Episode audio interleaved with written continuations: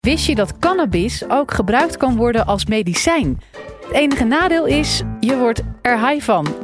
Wel leuk, maar minder handig als je het dagelijks moet gebruiken als patiënt. Chemicus Marjolein legt ons uit hoe ze op zoek gaat naar wiet waar je niet high van wordt.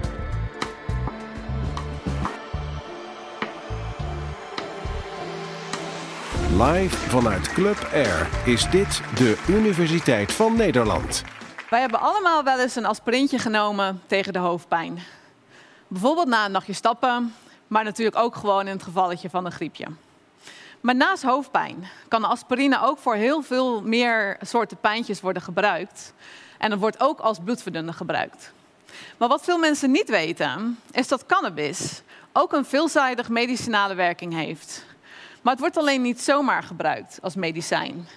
Omdat het eigenlijk vooral als medicijn wordt gebruikt door mensen die langdurig of zelfs ongeneeslijk ziek zijn. Mensen die bijvoorbeeld kanker hebben of aids, of patiënten met, met een bepaalde zenuwaandoening, zoals multiple sclerose of Parkinson. Maar wat ook bekende effecten zijn, is dat je er honger van kan krijgen, maar ook dat je daar high van kunt worden. En vooral dat high worden wordt door heel veel van deze patiënten als een vervelende bijwerking ervaren. Dus daarom zijn wij als wetenschappers bezig om een toekomstig medicijn te ontwikkelen, wat gebaseerd is op de werking van medicinale cannabis, maar wat niet deze vervelende bijwerkingen heeft. Synthetische cannabis dus. Oftewel cannabis waar je niet high van wordt.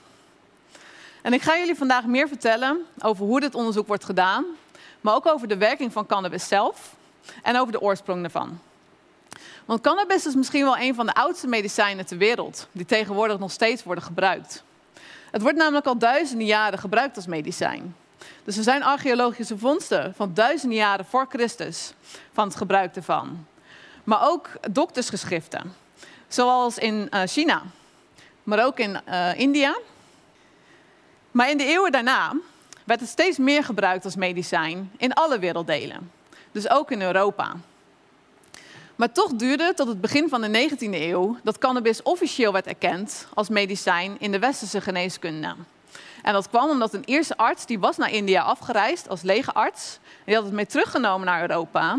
En die bewees de effectiviteit van cannabis, met name in epilepsie, pijn en spasmus. En toen werd het een eeuw lang heel veel gebruikt als medicijn, totdat bleek dat de effecten niet altijd hetzelfde waren. Nou, en dat kwam vooral omdat toen die tijd in die tijd werd medicinale cannabis gebruikt als gedroogde plantbereidingen, die heel erg afhankelijk waren van de oorsprong en leeftijd van de gebruikte cannabisplant. En daardoor kwamen dus ook die variaties in effecten. Nou, voor een medicijn is dat natuurlijk niet goed. Dus artsen en onderzoekers gingen er steeds minder mee werken. En er werden zelfs hele strenge wettelijke restricties gelegd op cannabis. Totdat halverwege de 20e eeuw, in 1964, wetenschappers in Israël voor het eerst een actieve stof isoleerden uit de cannabisplant. En deze stof identificeerden als THC, oftewel tetrahydrocannabinol. En deze ontdekking leidde tot een enorme groei in het cannabisonderzoek. En sindsdien weten we, door al dat onderzoek, dat de cannabisplant uit meer dan 400 verschillende actieve stoffen bestaat, waarvan de meeste ook in andere planten voorkomen, maar waarvan er 70 uniek zijn voor de cannabisplant. En deze stoffen noemen we daarom ook cannabinoïden. En de twee belangrijkste, dat zijn THC, die ik eerder ook al noemde, en CBD, oftewel cannabidiol. En de medicinale cannabis van tegenwoordig, die hebben allemaal een vaste samenstelling van deze twee stoffen en daarom ook een andere werking. Maar ze worden ook speciaal gekweekt daarvoor. Ze hebben ook een vaste samenstelling van andere cannabinoïden. Die worden daar streng op gecontroleerd. Want deze cannabis is natuurlijk ook alleen voor medicinaal gebruik, niet voor recreationeel gebruik. En is daarom ook alleen bij de apotheek verkrijgbaar. Naar schatting zijn er tegenwoordig in Nederland 10.000 patiënten die medicinale cannabis gebruiken. Maar welke soort zij gebruiken hangt af van de klachten die zij hebben.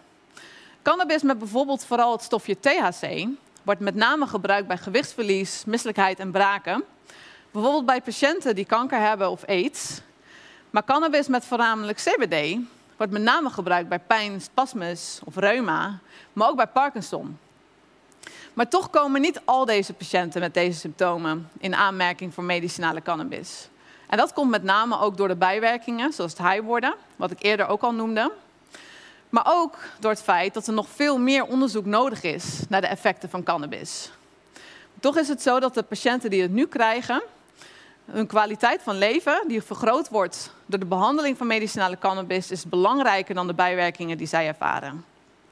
Maar toch zou het veel fijner zijn als ook deze mensen een medicijn zouden kunnen krijgen dat net zo effectief is, maar wat dus geen bijwerkingen heeft. Cannabis, waar je niet high van wordt.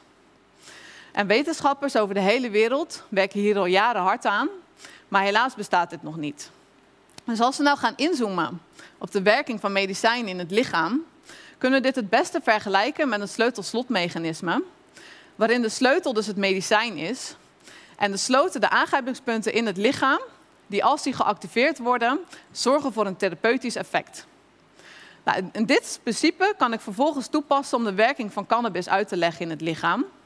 De sleutel stelt in dit geval de actieve stoffen uit de cannabisplant voor, dus de cannabinoïden, stofjes zoals THC en CBD. Die activeren twee sloten in het lichaam, waarvan eentje in het hoofd zit. Die zorgt voor het high worden en de meeste andere bijwerkingen. Terwijl het andere aangrijpingspunt, het andere slot, vooral in immuuncellen zit, die verspreid zitten over de rest van het lichaam. Dus op deze manier kunnen we dus in theorie het mechanisme dat zorgt voor het high worden onderscheiden van het mechanisme dat zorgt voor de therapeutische effecten. En deze sloten die noemen we cannabinoïd receptoren. En dat is het eiwit waar ik het eerder ook al over had. Dat zijn helixen. Die worden gevormd door kettingen van moleculen. En die helixen die vormen aan de binnenkant een holte, waar een molecuul, dus een sleutel als het ware, kan binden. En dan wordt de receptor geactiveerd. En die zit in het celmembraan van cellen. Dus als die geactiveerd wordt, dan zorgt dat voor belangrijke processen in de cel. En in een gezonde situatie gebeurt dat door het binden van lichaams-eigen stoffen, die je ook wel lichaams-eigen cannabinoïden kan noemen.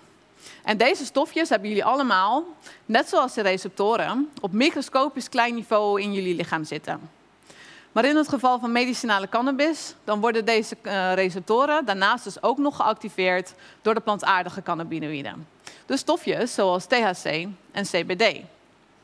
Het probleem alleen van deze stoffen, dus zowel de lichaams-eigen stoffen als de plantaardige cannabinoïden, is dat ze niet selectief zijn. En dat betekent dat ze zowel in het hoofd activeren, het slot in het hoofd activeren, als het slot in de immuuncellen. Maar eigenlijk hebben we dus een medicijn nodig, een soort van gouden sleutel, als het ware, dat dus alleen het slot in het lichaam activeert, dus in de immuuncellen. En op die manier kunnen we dus de activiteit in het hoofd, dus het high worden, elimineren uit medicinale cannabis. Nou, en een manier om dat te doen is sterk te focussen op de structuurverschillen van de receptoren zelf. En deze informatie te gebruiken om selectieve moleculen te ontwikkelen. Dus de gouden sleutel. Maar wat ook veel gedaan wordt, is het screenen van honderdduizenden moleculen door geavanceerde robots, waarmee dus de activiteit op de juiste receptor kan worden getest. Want op deze manier kunnen we dus synthetische cannabinoïden vinden, wat dus niet natuurlijke stoffen zijn. Want met deze stoffen is de kans groter om een gouden sleutel te vinden. Omdat als je de stoffen zou gebruiken van de plantaardige, als je de plantaardige cannabinoïden zou gebruiken, of de lichaams-eigen cannabinoïden, bestaat het risico dat je die selectiviteit niet krijgt. Omdat lichaams-eigen cannabinoïden waarschijnlijk evolutionair gevormd zijn om aan allebei te kunnen binden. Nou, en op deze manier, dus met deze robots, zijn er al een aantal synthetische cannabinoïden gevonden die selectief lijken te zijn voor de CB2-receptor. Maar wat ook veel gebruikt wordt in de afgelopen tijd, afgelopen paar jaren, is het gebruik van computermodellen die met behulp van simulaties kunnen berekenen wat voor stoffen de gouden sleutel kunnen worden. En deze wetenschap wordt ook wel computational chemistry genoemd en is enorm hard aan het groeien omdat de beschikbare hardware en software steeds beter wordt. Maar al twintig jaar wordt er gezocht naar selectieve stoffen voor de cannabinoïdreceptor die in de immuuncellen zit. Maar toch bestaat er nog steeds geen selectief medicijn als vervanger voor medicinale cannabis.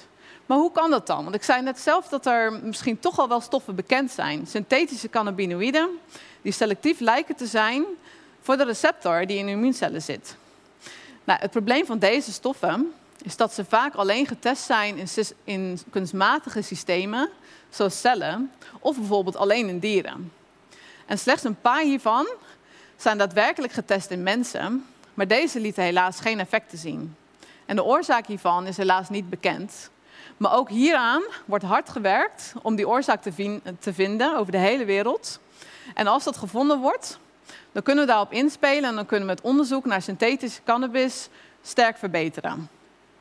Maar helaas moeten de patiënten die nu dus uh, medicinale cannabis nog krijgen voorgeschreven, dus helaas nog even wachten op een beter medicijn, wat geen vervelende bijwerkingen heeft.